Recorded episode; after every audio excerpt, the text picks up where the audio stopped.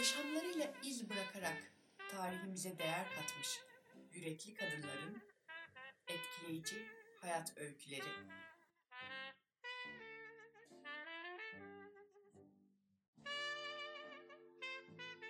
Efsane kadınların portresi başlıyor.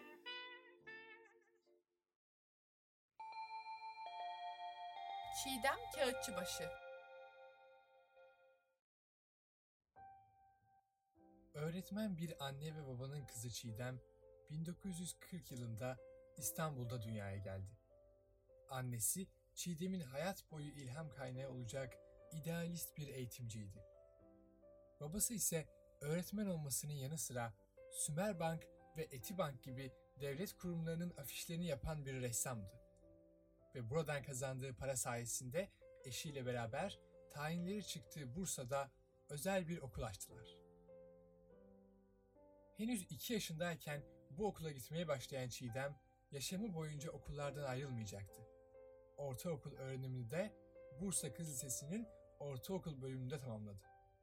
Daha sonra İstanbul'daki Amerikan Kız Koleji'ne giderek liseden mezun olan Çiğdem, burada farklı bir kültürle tanışmanın deneyimini yaşadı ve Batı'nın değerleriyle yoğrularak felsefi bilgi birikimi elde etti.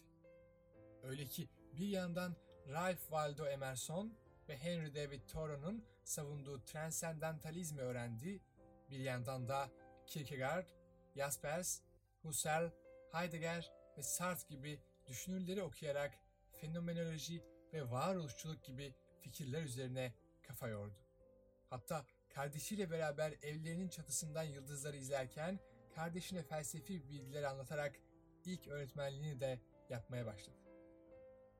Başarılı bir öğrenim sürecinin ardından 1959 yılında buradan mezun olan Çiğdem, dünyanın içinde bulunduğu vahim durumun sebebi sosyal bilimlere yeteri kadar değer verilmemesidir düşüncesiyle sosyal bilimlere yöneldi ve Massachusetts'teki Wellesley College'da psikoloji alanında lisans eğitimi aldı.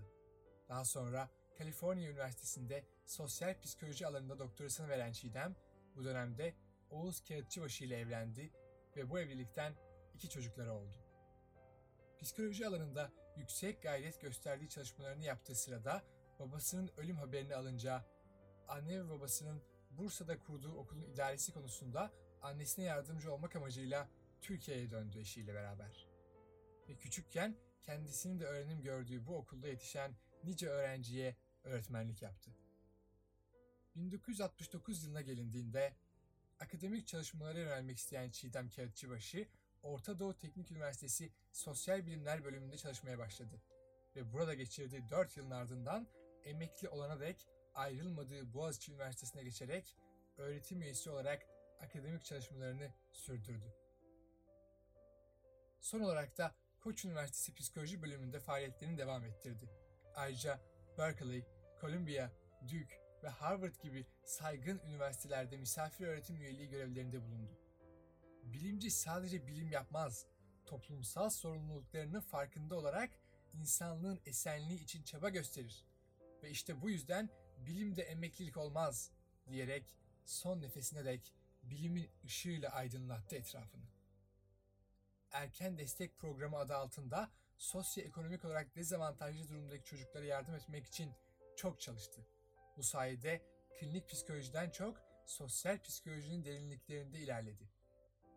UNESCO'ya bağlı olan Uluslararası Sosyal Bilim Konseyi'nde başkan yardımcılığı, Uluslararası Kültürler Arası Psikoloji Derneği'nin ilk kadın başkanlığı, Uluslararası Psikolojik Bilimler Derneği Başkan Yardımcılığı ve UNICEF danışmanlığı gibi önemli görevlerde de bulunan Çiğdem Kağıtçıbaşı, 200'e yakın makalesi ve tam 32 kitabıyla dünya otoriteleri tarafından takdir gören ulusal gururumuz haline geldi. Çünkü Cumhuriyetin ışığıyla aydınlanarak büyüyen bir kızdı o.